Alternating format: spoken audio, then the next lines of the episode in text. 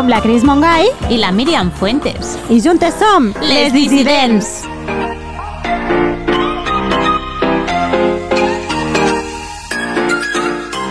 Hola, Cris. Hola, Míriam.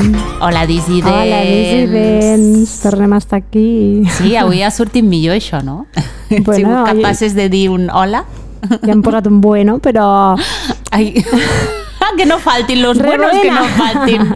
Venga, mercadillo de buenos. Sí, Tenim buenos sí. per donar, regalar. No es pot ser tan correcte sempre. La vida no és perfecció. Ah. Hi ha mil coses que podem millorar cada dia, doncs amb això estem, no? En aquesta, sí. en aquesta idea. Empezarem per polir els buenos, que sembla Exacte. senzill, i després ja ens demaneu tasques més Exacte. complexes. Saps quin número de podcast tenim avui, ja? Quin, ja? El número 14. Ostres, hem n'adones? aconseguit fer-n'hi 14, Te eh? Ué. Una, un petit aplaudiment, per favor. Ens aplaudim a nosaltres Sí, mateixes ué. perquè som així d'egocèntriques. No, Ué, ué, egocèntriques ué, no. ué. Però, clar, hem de tindre en compte... Ens com- hem d'automotivar. No, clar. Perquè com és el això- nostre projecte, com sabeu, és un projecte alter- alternatiu, autogestionat, Autogestionat, Autogestionat significa que tot. te compres tu los micros, que te compra los montes- micros, te compra, te compra la roda, te compra l'ordenador... te montes el tenderete. Però bé, ja ho sabeu que amb la finalitat final, no? amb l'objectiu de fer comunitat, perquè pensem que és molt important tindre referents, tindre'ls a prop, saber que són de casa nostra, que hi ha altres maneres de pensar i de viure, i que hi ha mil històries en clau femenina d'aquí que no es coneixen i caldria doncs, tindre'ls al mapa mental per saber que, que hi ha canvis i altres alternatives de viure i que tot Sí. és possible. Sí, però bueno, recordo a les oients que tenim un cor, saps? I a nosaltres, eh, la veritat, si ens escolteu, si us agrada el que fem, si els temes us semblen interessants, doncs fem un esforç per, per trobar gent no? de, del nostre entorn que ens pugui aportar amb la seva saviesa i amb els seus coneixements, mm. amb les seves experiències, amb les seves vivències, doncs coses no? que ens ajudin a fer tribu, que realment fer tribu eh, va genial perquè tots tenim problemes, a tots ens passen coses mm. i a vegades no saps com trobar solució o a vegades et sents sola i Bueno, i que te- necessites i que- aquesta o un companyia. bueno, Sí. que tenim l'oportunitat de donar veu a persones superinteressants que d'altra manera de vegades igual no les podríeu conèixer directament. Exacte. I és una manera molt xula no? de, de fer xarxa entre totes. Així que vosaltres, eh, si feu like, si ens compartiu a xarxes, si feu boca a orella de dir, mira, doncs aquestes noies, aquest podcast de Lleida, escolta, ni que sigui un episodi i tal, eh, amb això ja ens feu un gran favor, I la tant, bueno, veritat. si ens feu comentaris, que moltes vegades n'hi ha, o les enquestes que fem a, Sí. a Spotify i de més, doncs sapigueu que això també ens arriba, ens agrada moltíssim. Ens agrada i, moltíssim quan I volem rebem- seguir-ho fent, vull dir que Sí. moltes gràcies per anar fent aquesta Sí. petita xarxa, però sòlida. quan rebem els vostres, els vostres comentaris o quan ens trobeu pel carrer i ens dieu eh, ets dels dissidents i t'escolta i tal, doncs la veritat ens fa molta il·lusió, perquè li dona un sentit a tot Clar, això. no és fàcil anar, doncs això, però és molt gratificant perquè pensem Sí. que és molt important per totes. I ens fa sentir com més acompanyades, com menys soles, perquè a vegades això és que és això, és una tasca com solitària, no? Estem aquí, ens fiquem a gravar el dia que ens va bé i tal i qual, i realment és com si parléssim soles. Bé, també cal, eh, buidar la vida, la ment, cal buidar-la. i que va genial, va genial, perquè ens Però estem te fent aquí... que les teves, les teves inquietuds moltes vegades són compartides i dius, ostres, doncs mira, aquestes també pensen igual que jo. O jo també aquesta perspectiva no la coneixia i m'ha servit d'utilitat. Això és, jo Sí. crec que la gran recompensa. Sí, sí. Així que bàsicament és un gràcies, gràcies per estar aquí i vinga, ja no ens enrotllem més. Anem a arrencar aquest episodi 14 a veure si al final no, no, no l'acabarem realitzant. Sí, a més estic molt contenta perquè la convidada que tenim avui doncs ja sortim una mica... La, la nostra idea inicial quan vam crear les dissidents era portar veus, mm, dones, femení i tal, però que fossin de totes les generacions, no? com abarcar el màxim de generacions possibles, perquè a vegades doncs, és això, acabes parlant sol amb gent de la teva edat, però és molt ric i, i, i, I, és molt, necessari i és real. i molt necessari Clar, parlar com a amb persones societat. Sí, que estan en diferents etapes de la seva vida perquè eh, et poden aportar pues, o una saviesa, no? de, si parles amb persones que són pues, potser més grans que tu, o un, un rejuveniment, no? perquè a vegades quan parles amb gent jove també és guai perquè t'aporten la seva energia que tu igual ja la tens una mica com, com oblidada. Bueno, tot és qüestió d'actitud, ja ho anireu veient. Eh? Jo crec que la joventut té un gran punt de l'estat mental. I ja, Sí, l'edat ja no ho fa no ens tot. avancem, però Sí. va cap per aquí la cosa. Així que arranquem en aquest episodi 14, reescrivint la memòria col·lectiva, Parlarem de resistència, de resiliència, de passat i present, d'enyorança, de com el temps idealitza les coses i les persones i de records que sempre queden marcats a foc per romandre en el fons del cor.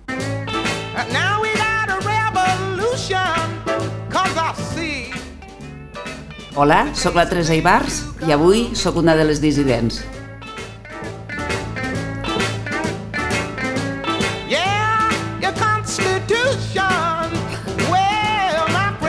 La nostra convidada d'avui és una dona intrèpida i d'esperit lliure, que té el do de la paraula i que, a més a més, domina com poques persones els arxius i la documentació històrica. Historiadora i arxivista de formació, la Teresa és una enamorada de les històries reals i quotidianes. Els petits grans moments de la gent del poble, que passen desapercebuts pels grans compendis històrics, però que, sense dubte, expliquen com pocs d'on venim i on anem. I, en definitiva, són l'essència de qui som com a individus i com a societat. Benvinguda a les dissidents, Teresa.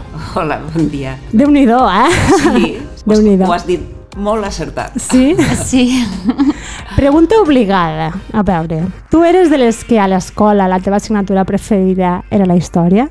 Que recollia aquestes històries, de vegades petites, quotidianes i també els grans moments? quan jo era a l'escola, la història era la història, la història. amb majúscula, els reis, les llistes interminables que t'havies de memoritzar. Jo me recordo de petita no sent gaire aficionada a res. Uau.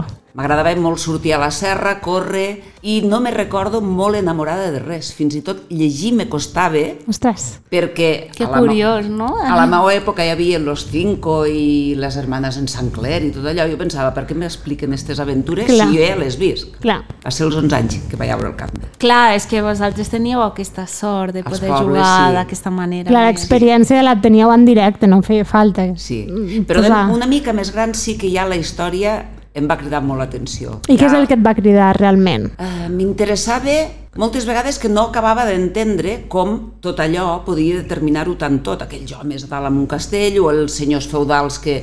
com podien determinar? I sempre tenia un, un petit gran dubte, que això sí que me recordo ja de petita observant-ho, que era, i la gent que feien? Clar, mentrestant, no? I mentrestant aquests feien això, la gent que feia. Clar, com era la vida quotidiana, com no? D'aquelles èpoques. Sí, claro. Sí. Tots els que no eren reis, qui eren? Clar. Mm. I de fet, de petita també va haure personatges del poble que a mi em van cridar molt l'atenció que no eren eh, les grans famílies o els dirigents, no? Vull dir, sempre pensava una mica i què passava mentrestant? Perquè això mos determinava, però què passava mentrestant? Tots els anònims, no? Sí. Els que no apareixen sí. normalment. Bueno, potser de segle XX cap aquí sí més, però... No ho formulava segurament així tant, perquè ara mos és molt fàcil perquè hi ha molta història popular sí. feta, eh, molt història de les mentalitats, però quan jo era joveneta petita no es sí. parlava d'aquest fenomen. Però ja sempre eh, recordo una mica de... Però i què? Una I... mica amb allò que m'explicaven no en tenia prou però em cridava l'atenció. Clar, era com, bueno, la història continua, no? Calia sí. estirar del fil Molt de la narració. més que les matemàtiques que les matemàtiques i amb tot el que era coses així molt pràctiques, era negada.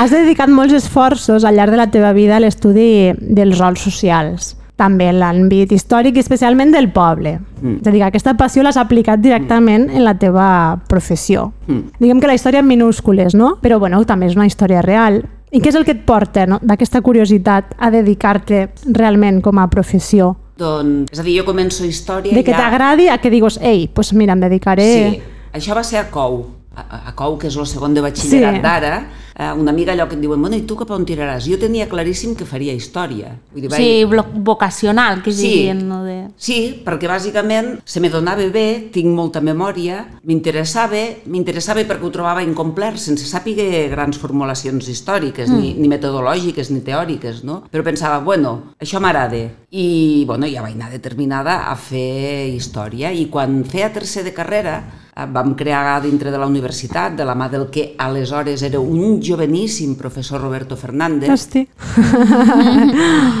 però aleshores acabava d'acabar la tant. carrera i venia aquí, vam crear com un grup de recerca i jo ràpidament eh, ja me vaig interessar per fer una tesi de llicenciatura al voltant dels delinqüents. És a dir, la marginalitat de la marginalitat al segle XVII. Uau, m'interessa molt. Super heavy. Però on, on vas estudiar història tu? Aquí, Jo aquí a Lleida, Lleida? però vaig acabar a Barcelona. Vale. Vaig fer tres anys aquí i dos a Barcelona. I a tercer de carrera això, una mica per escapar-me d'anar a collir pressi, una mica perquè ja havia trobat la font a l'Ajuntament que són els llibres de crims del Tribunal de Coltellades, que eren uns llibres on se recollia els delictes Sí. allò, l'escrivà escrivia el que el pres, les tortures, tot el que passava a la sala del judici, no? Ah, sí? sí. Sí, sí, sí. sí. És una font... De quin segle has dit? Del 17? Comença, o- la font comença al 14 Vale. i va fins a finals del 17. principis del 18 s'acaba el Tribunal de Coltellades, que és punyalades. I, I tu, bueno, espera un segon, ja sé que tens preparades preguntes, No, no, Cris, si és que les però preguntes que, flueixen. Saps, ara m'ha vingut al cap el dia Sí. que va venir la Marina Pifarré a parlar-nos de la, seva, de un- la universitat que ella es va trobar, perquè ella va estudiar dret, no? Mm-hmm. si no m'equivoco, i llavors eh, la seva classe eren com super poques dones, Sí, no? i només se trobava que la majoria eren homes i que, i que costava eh, pues, alçar la veu dintre d'aquest sector tan masculí. Mm. Com va ser la universitat que tu te vas trobar? A Història? Hi havia més dones? Sí, com... Jo aquest record no, no el tinc gens, no sé quina edat té la Marina, que potser és... No, jo Bueno, crec que si fa, potser no és fa. més jove tu, però bueno, si fa o Si no fa, fa, no la fa. quinta Sí. d'aquesta universitat així Suposo més. que les carreres molt d'humanitats Sí. sempre hi ha, igual que a la literatura, als clubs de lectura, Sí. igual que al cine, hi havia molts homes, Sí. però eren moltes dones també. Mm -hmm. Vale, era com més paritària la classe que tu et vas trobar. Sí, i tant. Érem, jo diria, si fa no fa, i no vaig tindre mai aquesta sensació de necessitat de, de, de, de dir, ei... Clar, no- com de re, reafirmar-te, no, allí, Sí. enmig? O Jo sigui, no- no dintre, vaig de, dintre del teu sector doncs, vas poder anar fent el que tu vas Sí, anar sí, sí, sí. sentint a cada moment, vull dir, tu pots... És més, vam començar el grup de recerca i érem tantes dones com homes, Que guai. Eh, o potser més dones, eh? Mm. Si ara em fiqués a comptar bé, seríem... Vull dir que no, jo no vaig tindre mai aquesta sensació. Ja dic, les humanitats sempre són Sí. difícil d'una cosa tan encorsetada com ja és els estudis de dret, que fins i tot mm. nosaltres mateixos, que anàvem al matí al Roser i ells anaven a la tarda, veiem dos mons, jo els veia dos mons absolutament diferents, és a dir, Clar. al matí érem com los hippies, los progres, Sí, los, els que, es dedicaven a, a pensar més enllà, no? en coses més etèries, potser. Bueno, no, bueno, o... no sé si ells ho veien així, però nosaltres, de fet, era una mica com la gent Com que no tenia una aplicació tan directament... Això també em porta a una altra pregunta interessant, que no és que jo vulgui ser incendiària, però jo mateixa me l'he trobat. I és que moltes vegades m'han dit, bueno, és que història per què serveix? Per què ho fem? Sí. No? Perquè, bé, entre cometes, entengueu-me. Eh, la història que es llegeix habitualment és la història dels vencedors, els que es reescriuen, els que posen els noms, i no és, el, lògicament, el 100% de la veritat, però bueno, és una part, no? Clar, davant de preguntes com aquesta, doncs, a qui ens agrada la història també, mea culpa, penses, No. ostres, mm, La és que tot no és tan La pràctic. història és cíclica Sí. i podem aprendre tant del passat per entendre el present, que és, esp és esparverant, no? Vull dir, tot el que ha passat ara amb el procés, tot això ja ha passat altres vegades. I si el- els nostres dirigents tinguessin més present el que ja han passat i que tornem a passar, eh, potser podríem recapacitar els humans i tirar cap a un altre cantó. Però Exacte. jo penso que no aprenem de la història perquè precisament pensem de què serveix allò que Clar. va passar al, És una eina superútil Sí. que la deixem allí caure i, i caiem en les mateixes pedres, no? caiem en les mateixes pedres en diferents conjuntures i en diferents formats, però a veure, tu si analitzes l'Europa Sí, sí. de 1920 és molt similar Sí. a la- a l'Europa d'ara. La pujada dels feixismes, la immigració, Sí. La depauperació de les classes populars Les inflacions. És molt semblant. El paral·lelisme és el lo que, que, és. Lo que passa que potser és, sí que és veritat que vivim en un moment social en què se té molt en compte l'utilitarisme de les coses, el, es prime la velocitat aquesta de que pues, bueno, les coses que passen ara Som molt futuristes, no?, en aquest aspecte. Eh, Bueno, doncs perquè el, capitali el Que no ens capitalisme... prenem el temps, potser, no? De fer aquesta rememoració, aquest, a, anar a buscar... A... No s'ha fet mai. No. Els dirigents no ho han fet mai. I a més, penso jo, eh? Sí, de sí. analitzar el passat per entendre el present i projectar el futur. No, A, a, és aquest punt reflexiu, no? Sí. Eh, Com a que mai es fa, potser. S'ha fet poc. I a més ara estem en aquest punt de presses perquè el capitalisme, que és un gegant, una, una bola que ho engull tot, Sí. constantment va evolucionant i va buscant els mètodes per anar tenint, Clar, que li interessa la- l'amnèsia col·lectiva. per anar no? tenint controlat el... I tant. Exacte, El perquè, perquè una de les coses que se diu molt, que jo crec que és com d'alguna manera per menys tenir la història precisament, és això de, bueno, la història és subjectiva, bueno, la, la història l'hem És- anat és escrient... parcial. Sí, Però, bueno, al amb final el procés tot- i tot això s'ha dit molt, Sí. sí, s'ha Sí. utilitzat molt això de dir, bueno, és molt subjectiu, això és el que tu recordes, però... Eh, Una cosa és el que recordes, que evidentment te pot servir per fer una ficció literària, Hmm. i una altra cosa és utilitzar un mètode científic per explicar allò. El mateix és la És història. que pot ser la perspectiva que tenim mal entesa, no? de que la història és unidireccional i, i que no tindrem aquesta utilitat pràctica directament, però és que la ciència també és una constant evolució, no és la, la, el sí rotund i útil per ara i per aquí 10 anys. D'aquí 10 anys segurament ja no funcionarà. Claro, lo que I s'ha d'anar revisant. Sí, el que era ciència al segle XVIII, Exacte. avui en dia ens farà com riure i tot, no? I tant, per i tant. Totes les disciplines són qüestions de treballar-les metòdicament, sistemàticament, amb un mètode científic acurat, no? I mm. fer un treball rigorós. Clar. Els historiadors també, quan, quan agafes els documents, extraus Clar. la informació, fas els percentatges del que t'interessa, mm. -hmm. doncs intentes també que allò que tu dius se pugui refutar a partir d'investigacions noves Exacte. Això és molt interessant perquè, clar, la gent més de carrer, vull dir que igual això la perspectiva pues, bueno, no es té directament dels estudis històrics, és que no és únicament eh, analitzar uns documents, sinó que el mètode científic és que al final és fer-lo valdre. És que és una font de saviesa, la, la història contrastada en tot aquest mètode, que es desaprofite. Clar.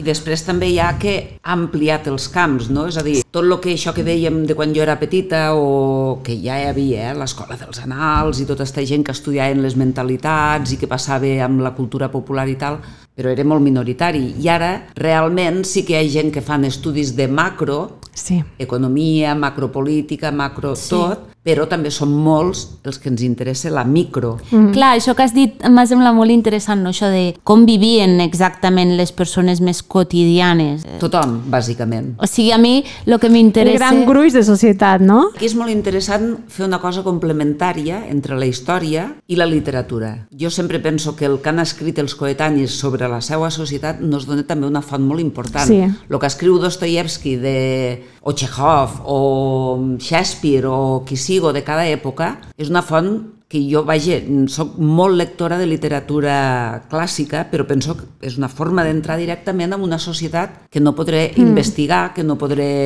Clar. No tinc fonts documentals i en canvi llegir Tolstoi Sí. m'introdueix a, un món, no? a una percepció de la vida. Aquests matisos, no? De, Sí. pues mira, el personatge menjava tal i qual i Sí. anava al mercat a buscar això, no ho sé. És, és- Aquests matisos i, Exacte. i, i formes de pensament també. També. La literatura és una font, per mi, indispensable que acompanya la, a la història i haurien d'anar a agafar des de la mà els estudis. Bueno, de fet, hi ha universitats que ja ho fan. Sí. No? Les humanitats de la Pompeu Fabra diria que van una mica lligant història, literatura, sociologia, bueno, fan una mica... Això seria com antropologia, també? Bueno, antropologia és una altra de les... Que també aniria Sí, unida, no? Clar. De la mà. Jo, Perquè de fet, quan com- vaig començar història volia fer antropologia. Vale, és que sembla, sembla molt apassionant. Però vaig desistir perquè no em van tocar massa bons professors i me va... Aquí Clar, Lleida, eh? això també fa molt, eh? I em vaig dir, escolta, no, anem a lo Que t'arribi una disciplina, no? En funció de qui és el que porta el micro, és, Sí, és sí, important sí, sí, també. sí. Sí, sí. I parlant d'històries, a veure, anem a la teva. Tu vas néixer i créixer al Baix Segrià, a Aitona, Sí, i lluny dels camps de fruiters d'avui, no? que pensem en Aitona i veiem aquests mars rosats. res a veure. Com era l'Aitona de la teva infància? La Aitona de la meva infància és una Aitona que acaba de sortir de la postguerra, que la gent han vist que plantant fruita mm, poden mig viure. Eh, el terme d'Aitona era d'una família, quasi tot el terme era d'una família molt, molt potent, que eren els jaques, que de fet també estaven assentats aquí a Lleida, i després de la guerra, per falta de descendents, bueno, ells sabrien el que els passava, no? de fet s'han extingit al Baix Segre, van com vendre la terra als colons, a, a tots els que la treballaven, sembla ser que amb facilitats, bueno. Total que en aquell moment va hi haure algú que va començar a experimentar que en la fruita se podien guanyar més bé la vida que no amb quatre porques d'eufals o de panís, Clar, amb el cereal... amb cereals, que el cereal sempre és un cultiu extensiu, Clar. per tant impliquen molta. Aleshores la gent van començar a plantar, no? I, uh, i jo quan naixo és el, just el moment en què mon pare, per exemple, compra el tractor i canviem de casa i anem a una casa més gran perquè el, cap, el tractor ha de capiguer dins i tot això, no? I això implica que és, jo naixo en un moment de transició no? del que és una economia que venia a ser idèntica del, des del segle de la Maria Castanya, diguéssim, fins en aquest moment que hi ha un canvi agrícola Sí. que comporta que la gent comença a tenir diners. Clar, la mecanització, La mecanització, com la societat... la intensificació Exacte. del producte i això també fa un canvi a nivell de mentalitats, Exacte. que una mica és el que jo intentava plasmar en aquest llibre que vaig fer de l'Atles de l'Oblit, no? Exacte. Aquest canvi de, de model, o el que fa la Mercè Ibarz Sí. a Sí. Terra Retirada, no? que és magnífic. De fet, en volíem parlar de l'Atles de l'Oblit.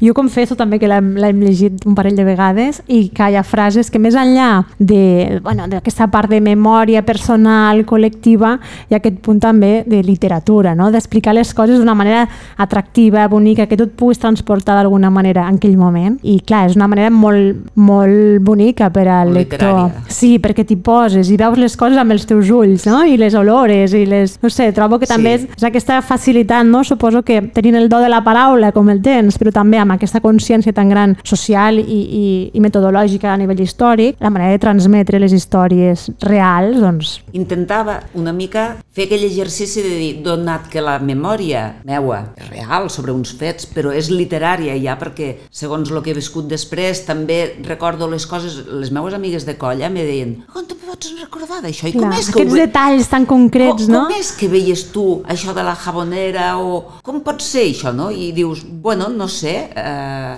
que l'Anna Saez, per exemple, en aquell Sí, sí, retrovisor, totalment, també. Ella, també li passa. també és una- un bon exemple. Sí, té un, Sí. una visió del món o ja perquè pa- no som tots iguals i partim d'unes sensibilitats diferents i els ous per dins, per molt que siguin iguals, no són iguals. Diuen que té aquest punt de subjectiu també, veu Clar. que tu recordes Clar, allò però que... és bonic, no?, que a partir d'un mateix fet doncs cadascú Sí. quina visió té i quina Exacte. després recorda al cap d'uns anys, no? Perquè és com la capacitat que té la música o l'olor de que igual fa molt temps que no olores una cosa o escoltes una cançó i en aquell moment torna i te tornen mil coses al cervell. Sí. Llavors, en aquell moment, O imatges, aquell record, no?, torna a tu. imatges que tu no saps per què, les recordes tota la vida i són imatges insignificants, no? Dos xiquetes sentades en un pedrís parlant a cau d'orella. Jo aquella imatge que sortirà l'ego amb algun... Bueno, si, si ho publico, clar. Amb una altra esperem cosa que sí, a veure. Amb una altra cosa que estic fent, és una imatge que La tens. tanques els ulls o passo per aquell carrer i la veig. I la tens. I dius, i això per què es fixa al teu? Pues això ho has de- ho has d'explicar, de, perquè dius, segurament ja és subjectiu com ho explicaré, però jo està allí i apareix i apareix, i una mica l'Atles és això, és tot el que apareixia constantment, tot el que m'ha fet, i també un punt de pacificació, perquè a veure, anar a collir prèssics, Clar, i tant. allò m'ofenia molt, eh? Bueno, és Ella- molt dur, eh? Perquè ho dur. als camps, però qui s'ha anat, anat allí a les 3 de la tarda amb màniga llarga i perquè, fins perquè així. allò pique que no se pot aguantar, Sí. cuidado que no és tan Clar, romàntic. És, és una forma, I tal tant. com ho explico, no? de donar-li un punt entre còmic, Sí. que sempre cure, Sí, i nostàlgic, que també sempre cura. També. Per dir, bueno, va, no mos queixem tant, que és el que de fet Clar. te diuen els grans, va, no et queixos tant. clar. Que sempre hi ha situacions més dures, lògicament, però també suposo que amb el temps també hem viscut com tu, doncs, marxes d'Aitona i la teva trajectòria, doncs, bueno, viu en altres ciutats, va canviant la teva ment, doncs te vas formant, i clar, sempre el passat sembla que tingui aquest to més dolç o més... No, que és com a d'enyorança. Sí. Potser va ser. Jo diria que enyorar no, perquè enyorar, quan tu enyores algú, tens ganes de tornar-la a veure. Mm, mm. Enyorar aquells temps, no, jo no tornaria ni a collir prèssics, ni a rentar la, ni a banyar Clar. amb els safareig de casa, Et banyaves al safareig. de casa. era la piscina de casa, el safareig.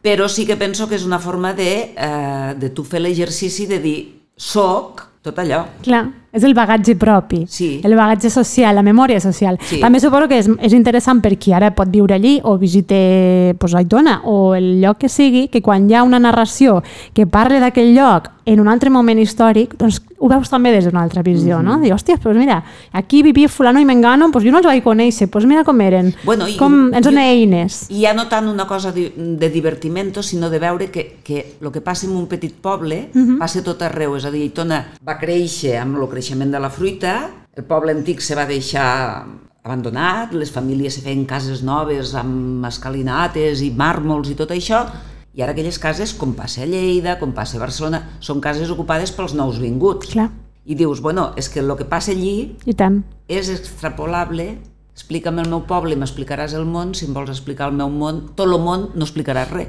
Clar. Una mica, tinc molt la idea de que el que jo puc explicar parteix de mi, de la meva experiència, perquè si vull explicar coses que no he viscut, segurament pixarem fora de l'olla. Sí. Lo per mi- molt que passi el temps, Lo micro sempre explica lo macro. Sí. Jo estic convençuda, eh? Lo macro no sempre explico el, lo micro, Mm. però segons quins aspectes de la microhistòria, jo sempre parlo del llibre que vaig llegir quan feia, no sé si segon o tercer de carrera, que també em va determinar molt, que era el formatge i els cucs del Carlo Ginzburg, que ell explica com un moliner del segle XVI mor a mans de la Inquisició per la seua, les seues teories religioses. Allò explica el caos religiós de l'Europa d'aquell moment, algo tan concret, no? Com al final és un exemple de, Sí. de, de lo que havia. de lo que passava. També entre papers d'arxius, a banda d'anar coneixent amb més profunditat com era aquest dia a dia dels anònims, diguem-ne així, també has tingut l'oportunitat de conèixer amb més detalls la vida de noms doncs, potents Mm. de la nostra història i aquí lògicament hem de parlar del senyor Vilador, Guillem Viladot que clar, amb el qual tu has mantingut una relació documental Llarga. molt llarga que també Sí, va donar lloc a un llibre retrobar-te amb ell que no sempre, doncs, pots a nivell literari sí, però bueno, Retrobar-me amb ell i retrobar-me en mi, no solament amb ell. És a dir, jo tenia molt la idea de, per motius familiars, eh, perquè el Xavier Porta coneixia, eren amics eh, amb el seu pare i tenia com molt la dèria de treballar aquest arxiu i quan ho vaig poder fer com a arxivera de la Diputació, no? perquè la, la Diputació és patrona de la Fundació, doncs va ser com molt eh, potent no? I, i tendint-se a documents que no hi són tots, però els que hi ha t'expliquen moltes coses. Jo el que vaig intentar fer amb aquell llibre, amb aquella mena de biografia que no és biografia per mi, era mostrar com jo l'havia conegut. I per mi era mostrar no el Viladot, aquest pavo real que estava als llocs i que era un home ocorrent, sinó aquell nen fràgil que mai va poder suportar o superar la seva vida potser la, familiar. la persona més enllà del personatge. Sí, m'agradava molt Clar. fer això. I, i m'agradava molt, de passo, a partir d'uns documents eh, que vaig trobar allà, portar-lo al meu terreny, perquè jo pensava, a veure, de què em serveix explicar Viladot si tampoc no puc explicar com això havia pogut interferir amb algo de la meva època, que llavors el porto a l'Antares, el porto a la Sala Europa, Clar. lo relaciono amb el russo, el Clar, estem parlant d'una Lleida que contracultural, I no? tant, que també va existir, que Sí. tampoc se n'ha parlat lo suficient i Sí. molt coneguda més enllà dels que hi vau participar Clar. i que cal reconèixer i reivindicar també amb tots aquests Bacaleo, No? personatges. Estos personatges que són com de tan marginals. Viladot era perifèric i ell no s'ho... Eh, és a dir, era perifèric perquè ell volia fer tot el que feia des d'Agramunt. Clar. Vale? Però després tens personatges com el Blai Arraràs que surt al llibre o el, el Russo Sí. que ells se pensaven que eren el centre, un de la nit, l'altre de la intel·lectualitat i estaven a la perifèria de la societat perquè pobres van acabar com Sí, bueno, pues, eh, no van tindre sort a la vida. I llavors això dels personatges centrals i perifèrics, aquí també era un tema que, clar. que volia posar... Que també és un joc interessant, no? O sigui, central perifèric, micro macro, aquesta dicotomia, no? De qui Mm. posa de la perspectiva Mhm. al, a l'hora de mirar la història i les històries particulars. Perquè, clar, com dèiem abans, la història doncs, l'escriuen els vencedors, si més no, però també estem en un moment que pues, les històries de les minories, d'altres històries estan a tope Mm. i cal reescriure aquesta història, o almenys cal complementar-la amb més, Sí. amb més visions. Bueno, i hi ha tota aquesta sèrie d'estudis posant noms a les dones que van estar a Auschwitz, no? per exemple, Sí. als d'estat català, que ningú mai els ha fet un homenatge i que el Ferran Dalmau mm els ha ficat nom, Sí. ha explicat una història que per motius de política universitària fins i tot no s'ha estudiat mai estat Sí. català, s'ha estudiat molt el suc Sí, però Els comunistes, els anarquistes... estat català no. Estat català. Per exemple, bueno, fa poc la, la Míriam eh, Roma, Mm? les dones lleidatanes a Ravensburg. I Clar. també Ai, cal, he dit a Innsbruck, volia dir... a Ravensburg. Vull dir, clar, cal posar, no? Sí. És una feina, una feinada, però bueno, no deixa de fer una mica de justícia, no? Sí. en la mesura que es pot, amb la documentació que quede, però amb tota la voluntat de- de com- d'omplir tots aquestes escletxes. Buits, no? I silencis Sí. col·lectius. Sí, sí. I més quan en molts casos hi ha pues, un tema pues, dolorós entre mig, que en la memòria i la reescriptura de la memòria, sobretot al segle XX, doncs, bastant heavy, sí. doncs hi és. I ara precisament també m'estic endinsant, això és una novetat que no sé com acabarà ni res, però estic començant a treballar també els expedients de, de le, dels funcionaris depurats pel franquisme, quan Ostres. entra el franquisme a Lleida, eh, passen tots els funcionaris que eren anteriors al 18 de juliol un expedient de depuració. Ostres. Clar. I, ve, I veus coses Fora. Aquesta gent, és que això és molt heavy. Vull dir, tu imagina't... Veus coses fortes també, però pels dos cantons, Sí, sí, eh? perquè sí, en aquell sí, sí. També hi havia Clar, una desigual... mica- mm, La supervivència de com anar Sí, eh, a sí. ser la societat a partir de llavors. A partir de llavors, i també prèvia, no? Clar. Vull dir, que també havia hagut matxacades Sí, sí, sí. prèvies. És mm, això de, de, de reparar una mica, no?, de gent que avui en dia la seva padrina va passar allò, o Mm. el padrí, o... Clar, és que és com... Eh, a vegades tinc la sensació no, de que en aquest país la manera que han trobat de fer net és fer silenci. Mm. Mm. Però jo diria que això Lament de, de del dir- silenci de la memòria no és exclusiu d'aquí, eh? No? Jo És algo- penso que no, sempre tenim molt... Bueno, però clar, nosaltres mirem el melic, no? Sí, dir, no, no, que amb la Guerra trobem. Civil s'ha fet molt silenci, s'ha fet sí, molt silenci. tinc aquesta sensació de... Però el Kremlin tenia els arxius tancats fins fa quatre dies. Sí. Els americans Igual. tenen els arxius tancats Ja. fins fa quatre dies. Ja. Aleshores, dius, sí, aquí molt silenci de la Guerra Civil, evidentment, i de la postguerra, que és el I la futur. transició Perquè aquesta la que tu has mencionat, claro, perquè la- en, en, hi ha molta d'aquella gent que encara està actualment tant. a les I en, tran cúpules. I en transició, doncs, bueno. no? I tan tranquil·lament. Mm. És com... I gent que saben que en aquella cuneta hi ha el seu padrí. Sí, o coses així, Sí, clar. però jo diria que el silenci davant de fets de la història incòmodes pels governs que venen després Mm. És general, molt general, eh? Igual que fer desaparèixer arxius, o sempre se va atacar les biblioteques, els arxius, no? La, les Això, proves, les clar. proves. Per això vull dir, sí, aquí s'ha fet... O sigui, heu de fer una feina, no? La vostra feina realment és també molt minuciosa, no? És molt que minuciosa difícil. i jo m'imagino també d'algun- d'alguna manera com la part que es té des del periodisme no? de, de tindre aquest esperit de voler arribar al fons de la qüestió al màxim però sempre amb, de vegades amb un ambient amb certs matisos hostils no? de dir, ostres, igual trec una cosa que aquí no interessa però l'he de traure perquè és el meu deure i és el que em pertoca i, i és el... clar, Bueno, eh, de vegades el que es pot arribar a treure la notícia o el, o el fet no té per què ser sempre Clar. l'agrat de tothom, No, però, no, però és el, al final és, que és el que hi ha. Una cosa és l'ofici d'historiador, que has d'anar fins al fons, i l'altra cosa és l'ofici d'arxiver.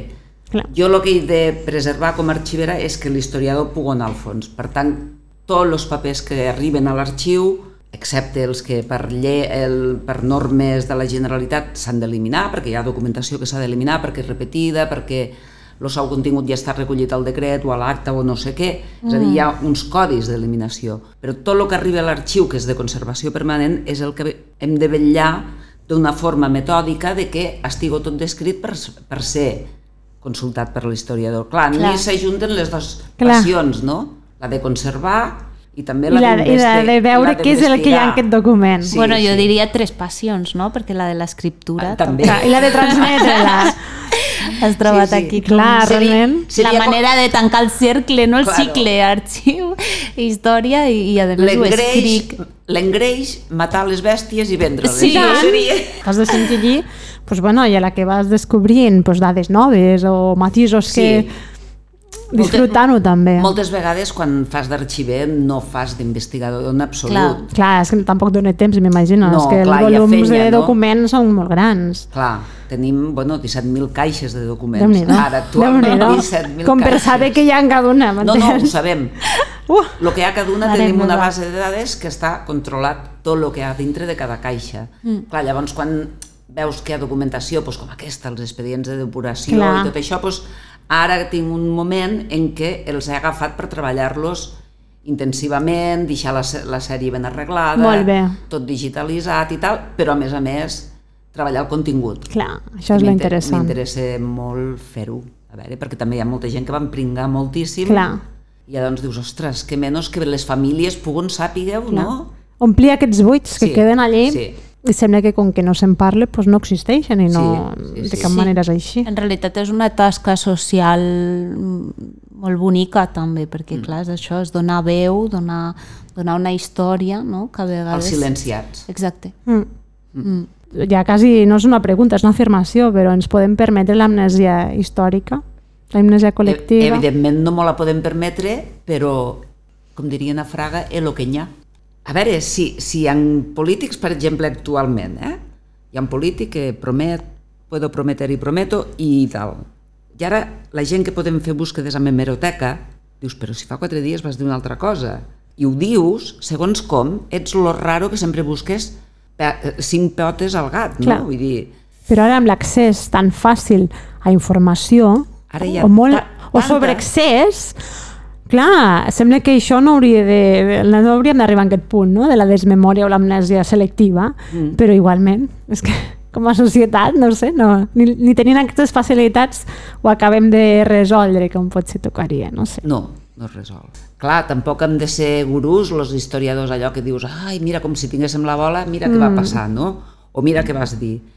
Però no es té massa en compte i jo no tinc, no, no sé. Però almenys mm, tindre, o sigui, amb més consideració el valor que, que al final d'aquests coneixements que teniu tan frescos i custodieu millor que ningú, doncs amb això jo crec que sí que és un deure que la societat tenim, perquè la història no és un divertimento, és, és que és, és un Sí, reflex del que hi ha. Mira que els arxius, vaig a dir una cosa que tocaré crostons, som sempre la ventafocs de les institucions, o moltes vegades. Ah, I això és lamentable. És lamentable, vull és dir, lamentable. t'has de trencar els, els cuernos perquè et posen gent, per tindre més pressupost, perquè et faci un cas, perquè sempre has d'estar com... Eh, Clar, eh, aixecant la eh, mà, no? no? I una mica som com els pesats. Sí. I més la digital, que La electrònica. molt complexa. Hi ha llocs que els arxivers participen activament amb, la, amb la, lo disseny de la gestió documental actual perquè arribo bé i es conservo bé. No tothom ho fa. Clar. Clar. I, clar, tant. i quan tu insisteixes, Però- ei, ei, i veus que no, penses, bueno, doncs, Clar. mm, tot això... És potser una mica el que dèiem del menysteniment que se té cap a, cap a aquesta... Cap a la documentació en general, és a dir, el que interessa és traure les subvencions, interessa... Ja. Mm, bueno, com tirar endavant temes... moure eh, diners, moure i, fer, diners i fer tal. inauguracions. Jo penso que va que per aquí la cosa. Siguem no, no, sinceres. no, sí, sí, sí. Això és el que ens dona pues, la notícia, la foto... La La foto. Però foto, anem a la, la foto. profunditat. A les profunditats, hosti, que la gent sembla que li té, no sé, al·lèrgia, no sé. No, Perquè no. vivim en una societat que és Molt això, superficial, momentània, la foto i el tallar la cinta. que ha de ser i- una part, però Hauria l'altra hauria Hauria d'estar d'estar... prohibit, les inauguracions. És la seva fenya. I tant. És que és així, és així, però no ho sé. Si jo pogués manar, cosa que m'encantaria, Però no, parlem-ne, Teresa, parlem-ne. Pro- prohibiria les inauguracions, perquè, a veure, en definitiva, els polítics fan el que han de fer. Clar. Clar. Ho hauríem de fer més el que hauríem de fer. Claro, amb els nostres quartos. Eh? Exacte. Mantindre aquesta flama de la memòria ben Sí. viva, la preservació també pues, reivindicar-la al màxim perquè al final és el que ens queda per seguir treballant el que som i el que serem. I mira, ara una mica per tancar l'entrevista que tenim aquí a la Silvina esperant-se de fer-nos la seva agenda, eh, de les tres passions que, Que has confessat. quina, qui- quina és la que diries? Aquesta, mm, sí, és imprescindible, és la que, la que veig que, que és molt necessària, que faig aquesta aportació a la societat, que m'omple tant, no sé. Ja sé, eh? és difícil. No, ja no, no, no, no és difícil, eh? perquè mira, la primera, la de ser arxivera, ordenar i ajudar a guardar, ja la tinc, ja ho he fet 35 anys i dius mm, que, ho fa, eh? que ho facin uns altres ara ja, no? Les que sí que mm, me continuen cridant molt l'atenció és la recerca i escriure-ho, explicar. Clar. El tema d'explicar m'agrada molt. Transmetre. Clar. L'explicar històries, m'encanta. I, I, bueno, eh, una mica és el que he procurat fer és, bueno, pues sempre, no? Explicar-ho. Ja quan vaig a estudiar els delinqüents, La finalitat bàsica era estudiar-ho, el que havia descobert jo, no? amb Vilalot el mateix, amb el Francesc Porta el mateix, l'Atles no ho cal ni dir. Clar. Perquè tu ens pots donar un missatge esperançador en el sentit de hi ha relleu? De, de... D'arxivers? Sí. Hi ha Sí. relleu generacional? Hombre. Que tu ara mateix has dit, pues jo ja porto 35 anys i Sí. tal, ara ja els hi toca a altres. Tu sents que la gent Sí, jove que està arribant... Hi ha molta gent passió. formant-se. No, més que passió, passió, hi ha gent que Mm. s'està formant a Barcelona, a la SAGET, i que han fet màsters d'arxivística i que, i que volen ser arxivers. Hi ha relleu. Una altra cosa és que les nostres administracions, en aquesta voràgine, voràgine de privatitzar, Sí. no ho privatitzin tot. Clar. Ah, clar. Clar, i llavors, això ho faran unes empreses que et custodiaran el fons, que no sé què, que no sé quantos. Jo tinc por d'això, estem privatitzant-ho tot. Ja. tot, la sanitat, I és fonamental, és que és, fona... és O com sigui, en el- l'educació, és que si no tenim fons propi i mantingut correctament, no pots... Un, És- te, un tercer que té interessos econòmics Claro, allí jo, jo penso que aquest desmantellament de l'administració que s'està fent, perquè per molt que digueu, ah, els funcionaris, s'està desmantellant la- Sí. la- l'administració. I la res pública, la res pública, està quedant a mans d'interessos privats. Sí, I, bueno, jo ho trobo molt greu. Clar, pot Molt ser... greu. Pot, pot ser... Correria risc, no? Eh, En, en... correm risc tot. La, Clar. la salut, l'ensenyament, mm. Tot el que ja s'ha privatitzat, la neteja, la llum, com, com, anem, com veiem Lleida? Fosca. Mm. Com està Lleida? Sí, sí, Bruta. és fosca, eh? Bueno, tot això s'ha estat, Sí. ha estat privatitzat. clar. Clar. I el mateix passa, per mi, el mateix està passant amb la sanitat, que s'està desmantellant, el mateix passarà en l'ensenyament, el mateix passarà amb tot el que és el servei públic d'un cos de funcionaris, que sempre n'hi ha que no treballen, però jo penso que n'hi ha molts que treballen Sí. molt, que, que defensen la res pública, lo bé comú, saps? I Sí. clar, relleu n'hi ha. Som funcionaris que no es volen fer treballar fins no sé quina edat quan hi ha un munt de joves que busquen fenya Ja, i que podrien entrar a rellevar. Clar, s'ha d'acollir a, Però són tots relleu. interins. Clar, És que I amb sí. els interins què passa? Clar. Que si protestes vas al carrer. clar, Els funcionaris no et poden tirar al carrer. clar. Jo, jo és un tema que m'amoïna molt, el desmantellament de tot lo públic. Però està així. sí. Es Haurem veu, de es veure. veu que ells ja saben el que mos convé. Bueno, potser ens hauríem de fer memòria entre tots i totes. Ah, aniria bé. Que aquesta pastilla que nos prenen i que no funcione la captació de, de lo que és necessari, potser, potser caldria Lo públic és molt important i Sí. m'ha costat molt aconseguir-ho i jo penso que ara Clar. estem desmuntant-ho tot. Sí. S'ha de seguir endavant Sí, i recuperar-ho. S'ha Sí. de tornar a pensar això, perquè no, Sí. no hi ha una altra. Sí, sí, i a nosaltres ens va molt bé quan tenim convidades com tu per, per ser conscients, no? Perquè a vegades és això, o sigui, nosaltres mm, ho veiem des del nostre punt de vista, eh, clar, igual hem arribat i ja ens hem trobat certes coses i ja les Clar. donem per fetes, Clar. No? Són és una mica el que ens passa a la nostra com a generació, generació- ja donem per fet. Que són lluites Però- que ja les has trobat Clar. i les has naturalitzat, Exacte. però no és una conquesta inamovible, ja es veu, a la vista està. A vegades és coses... cíclic, tot és cíclic. Total. Sí. Total. Mira, haurem d'anar a repassar els llibres d'història, a veure? Els teus Sí. jo penso que els expliques d'una manera com molt, molt assequible. Sent. bueno, esperem aquest nou compendi dels funcionaris de Sí, ens has fet molts Ah, no, spoilers, eh? Almenys algun, al, algun spoiler de tant en tant. Aquest, això no sé quan tardarà. Bueno, Pep, el que... Perquè ara estic acabat ni un anterior Clar. amb aquest, eh? O sigui, ten, tingueu paciència, Disney. Paciència, sí. Espere, De Bueno, moment haurem- aneu ja... Podrem estirar molt més del fil, això és el que està segur. I ho estarem desitjant de llegir. Bueno, Moltes gràcies per vindre, Teresa. a valtros.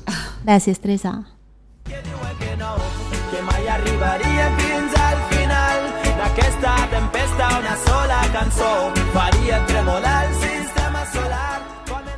Que això continue.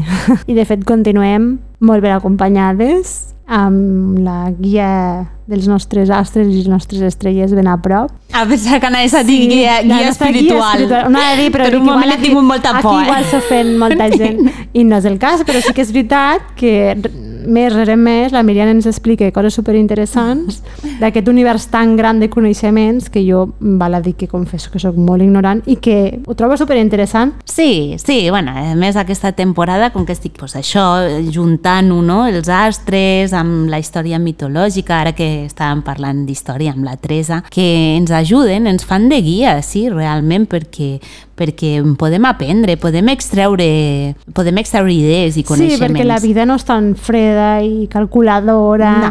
i unidireccional com No. ens fan creure, sinó que hi ha moltes possibilitats, moltes alternatives, finestres a obrir. I que tot se barrege, Exacte. tot se barrege. Realment anem cap a, cap a un món que començarem a tindre clar que les coses no són tan es- elitistes o estructurades, no? sinó que hem d'anar fent uns híbrids, hem d'anar sent més flexibles, més oberts, més oberts de ment, Exacte. de mires, perquè així és com realment entra l'aire a la nostra vida i, I és entrem- molt necessari. Sí. Que Bueno, que no, no m'enrotllo més, si no se m'allargui la, la secció.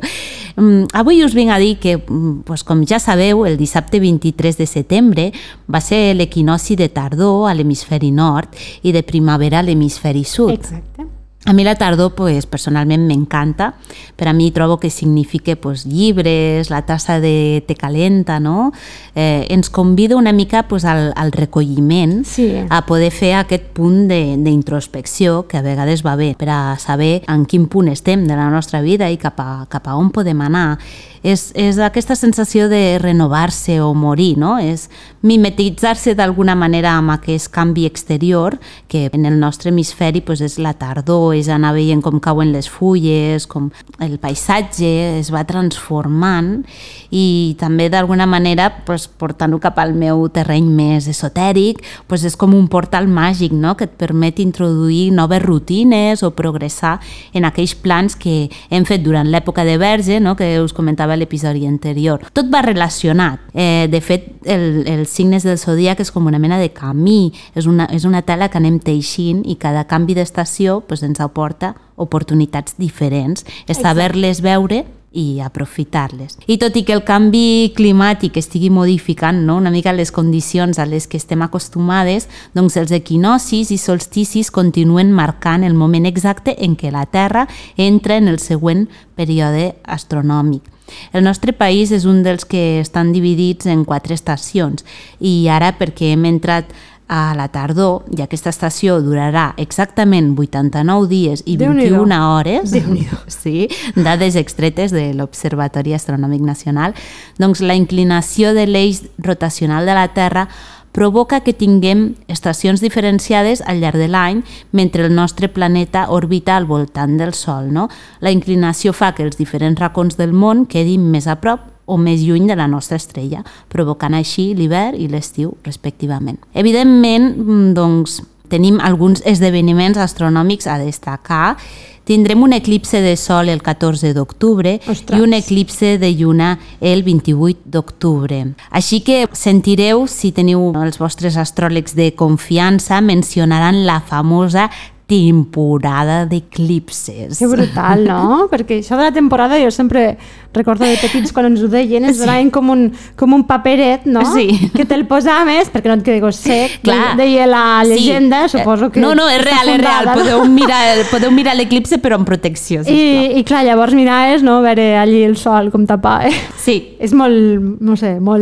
una experiència. pues portant-ho cap al terreny aquest mm, meu, no? pues segons eh, el vostre signe de sol ascendent i tota aquella mandanga que us dic, com, com teniu posicionats els planetes i astres a la vostra carta natal, que això pues, podeu trobar webs que, eh, en les que podeu esbrinar-ho si sabeu la vostra data de naixement i, i l'hora exacta en què vau sortir i el lloc, la ciutat i tal, pues així podreu veure pues, com us afectaran, d'acord? Busqueu el vostre astròleg de confiança, que això avui en dia eh, teniu molts que estan fent divulgació i us expliquen com, com afecten. Llavors, lliure no? és el, el zodíac, eh, aquest signe en el que acabem d'entrar, que és del 23 de setembre al, 20, al 22 d'octubre. Segons el zodíac, els nascuts sota el signe de lliure, com la imatge que el representa, doncs, són equilibrats, moderats, encara que es poden generar inclinacions cap a qualsevol dels dos extrems de la balança. Eh?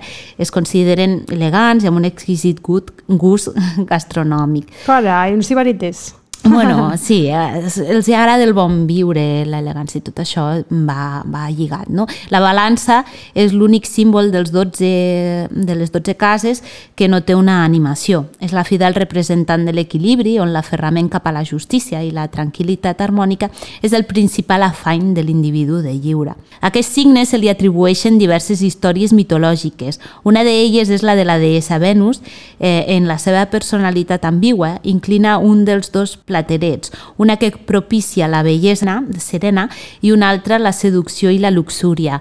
Mm, per exemple, pues, Kim Kardashian és lliure, no, no fa falta afegir res Carai. més. No? A la mitologia grega, aquesta constel·lació figura la balança sostinguda per Astrea. És la més jove de les constel·lacions i a l'antiguitat representava les pinces de l'escorpí. Com veieu, és el que us deia, estan, estan relacionats quasi tots els signes del zodíac, que això a veure si algun dia us ho puc explicar amb més deteniment, no? però a la mitologia grega doncs, també es narra una història que relaciona lliure amb la constel·lació de Verge. O sigui, realment lliure eh, la tenim relacionada amb, la, amb Escorpí i amb lliure. Val? I llavors, Verge. pues, exacte, mm. no és casualitat que vagin seguides, que diem pues, els Virgo... Clar, eh, sí, és a dir que l'ordre té un els llibre. sentit, no? Sí, que algun dia a veure si us ho puc eh, d'alguna manera pues, Bueno, explicar, però no em vull extendre a la, més. A la caixa, queda a la caixa. Sí. Astrea, qui, qui era una titànide, filla de Zeus i Temis, ella, al costat de la seva mare i la seva germana, eren les, la representació de la justícia. Durant la guerra dels titans va combatre al costat de Zeus, carregant els llamps que, que Déu usava com a arma. Per agrair-li això, doncs li va concedir el permís per conservar eternament la seva virginitat, gràcies a ser l'única titànide que va fer una cosa així. Llavors, els platerets de la balança assenyalaven l'equilibri del dia i de la nit, i és que justament en temps de Juli César, per Libra passava l'equinoci de tardor, per la qual cosa la nit i el dia tenien la mateixa durada. Virgili es fa ressò en un dels seus versos que en aquesta data el pagès podia dedicar el mateix temps a dormir que a treballar. Hosti. Llavors, com Estarien veieu, contents, tot té no? una mica de relació. Sí. Estarien contents. Sí, llavors es diu, que el, es diu que els noms de les estrelles de Libra són un record per als grecs que aquesta constel·lació pues, formava part de la d'Escorpí, que serà el proper signe al qual entrarem, que ara és una de les seves constel·lacions veïnes. En temps de romans, Lliure va aparèixer com a constel·lació independent. Es donen diverses explicacions per a aquesta separació. Algunes versions diuen que els astròlegs pues, la van separar per mantenir la divisió de 12, de 12 signes, tal i com la coneixem ara, i el que us deia, com ja veieu, pues, estan tots, tots relacionats, és com una mena de camí, no? el recorregut dels cinc, 12 signes és com una mena de camí astral, no? que comencem amb àries i l'acabem amb peixos, tancant així l'any astrològic, o sigui, l'any astrològic no se tanca amb el fi d'any, sinó que se tanca um, amb peixos, que seria cap, a, cap al febrer-març. També seguint les diferents etapes amb els muts que cada signe ens van proporcionant, doncs, així que ja sabeu, estimades dissidents, lliures si feu anys i tota la resta. Que els astres us acompanyin i ens veiem a la propera amb més històries astrològiques. I ja tenim aquí a la Silvina. Com tenim l'agenda cultural per a aquest mes d'octubre ponent? La tenim delerosa per ser descoberta. Comencem, ja que venim a, de- d'escoltar la Teresa, amb propostes contraculturals i de sotabosc com a bones dissidents que som. Què us sembla? Perfecte. Exacte. doncs la capital del Segrià aixoplugarà tres iniciatives de sotabosc que promouen la cultura reflexiva i alternativa a Ponent. Eh, la segona edició de l'Ocrit impulsarà les lectures amb esperit crític el 7 d'octubre a la plaça de la Catedral. Cris, tu conduiràs una de les tables rodones. Va, fes-nos en Ai, que guai. La veritat és que em fa molta il·lusió eh, que m'hagin convidat a participar, perquè, clar, l'any passat s'inaugurava el CRIT proposant això, obrir la ment Sí. a les ments més inquietes i les que no, en aquest tipus de lectures que et fan anar més enllà, a reflexionar sobre la, la societat del teu dia a dia i enguany, pues, sobretot també amb el nivell lingüístic com estem i a nivell de crisi climàtica. Uh -huh. I aquí és on jo portaré el que bonament puga, Pues a la vora d'uns autors que, déu nhi vull dir, això no us ho heu de perdre. I tant, imperdible, imperdible. Seguim, la primera edició del PATAC, el Festival de Gràfica Efervescent, que es durà a terme a l'Escola Municipal d'André Cristòfol el 21 d'octubre, i romp per ser altavó ponent d'allò que es cou en el món del còmic i de la gràfica independent. I com?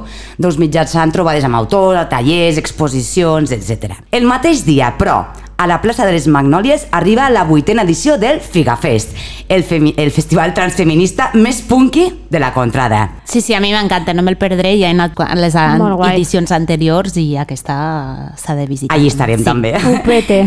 Seguim amb l'art i el setè art. El Forma Balaguer ens espera amb els braços oberts del 6 al 8 d'octubre. Un esdeveniment per la creació, la difusió i la promoció de l'art contemporani. El Festival de l'Audiovisual Català Som Cinema se celebrarà del 18 al 22 d'octubre a Lleida, amb una selecció de llargs, curts, de ficció i documentals d'àmbit català. La segona edició de l'Intangible torna, ens Torna, portarà torna. nous plantejaments artístics enguany fonamentats en la tecnologia més actual com és, són els algoritmes, l'art generatiu, la intel·ligència artificial, amb performance, instal·lacions o concerts, entre d'altres, del 25 al 29 d'octubre a Lleida. Finalment, La Panera inaugurarà el seu nou programa expositiu el 28 d'octubre amb tres mostres d'alt nivell. Ecologia Square, Abel Azcona i el nostre estimat artista lleidatà Joan Giralt. Sí, bueno, jo el Joan és que no puc ser imparcial amb ell.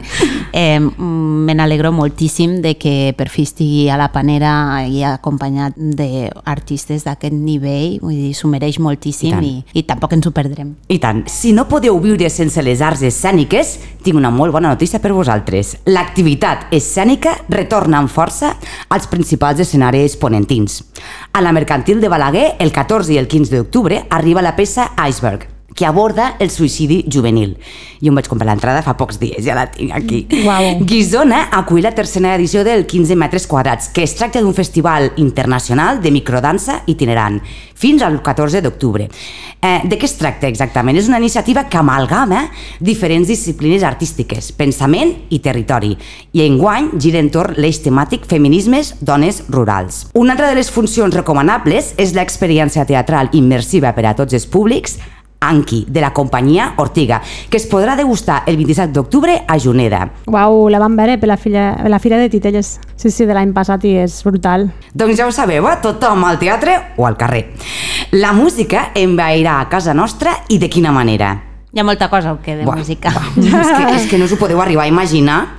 He fet una petita selecció perquè si no el Minut de Cultura seria l'hora de cultura. I potser no cal acabar en excés a les nostres estimades oients. De... Comencem amb el del 6 al 8 d'octubre arriben noves edicions del Musiquem Lleida i del Raimat Arts Festival. Del 13 al 8 de novembre la tercera edició del Lleida Music Festival amb concerts a diversos espais de la ciutat. A partir del 15 d'octubre, les sonoritats jazzístiques del Jazz Tardó bufaran les 30 espelmes al Castell del Remei, a Cervera i a Lleida. I, a partir del 20 d'octubre, l'Interfado a Lleida Oh. i a la Seu d'Urgell. Me xifle. És una... Sí, està molt bé. Eh, i, I a part d'això tenim molt més concerts a altres llocs. déu nhi Bueno, ara m'ha vingut al cap la frase aquella que ens vas compartir un dia, que és del cafè. Com era? Eh, no deixeu per l'endemà el concert que podeu gaudir avui, no? Sí, sí, sí, sí, sí. és que Total. Eh, eh, em vaig quedar amb, amb aquestes paraules, Déu-n'hi-do. Cris. A veure, a veure, que ho tenim pelut per poder anar a tots els concerts. Bueno, sí, però sí, es a fa una selecció i us vinga, sí, va. Sí, a més... A- a tope i a disfrutar. Sí, a més, avui en dia, com tenim l'economia, mm, per exemple, no podem anar a comprar gaire oli d'oliva verge, no? no, perquè el, Extra. l'exporten tot i no hi Bueno, queda, podríem pagar les entrades amb oli d'oliva. Potser Bueno. sí, seria una bona idea. Una nova Eh, comptes manera. amb, amb diners, amb, Déu sí, és hora, és Perquè els hora. artistes som gent apuradeta. Sí. Bé, en qualsevol cas, el que sí que podem fer és estudiar bé l'agenda i fer la nostra tia. Amb o sense oli d'oliva, gaudiu de la vida i de la cultura. I ara sí, família dissident. Fins aquí el nostre programa Ens seguim a xarxes? i ens trobem el mes que ve. Adeu, adeu. Adeu, adeu.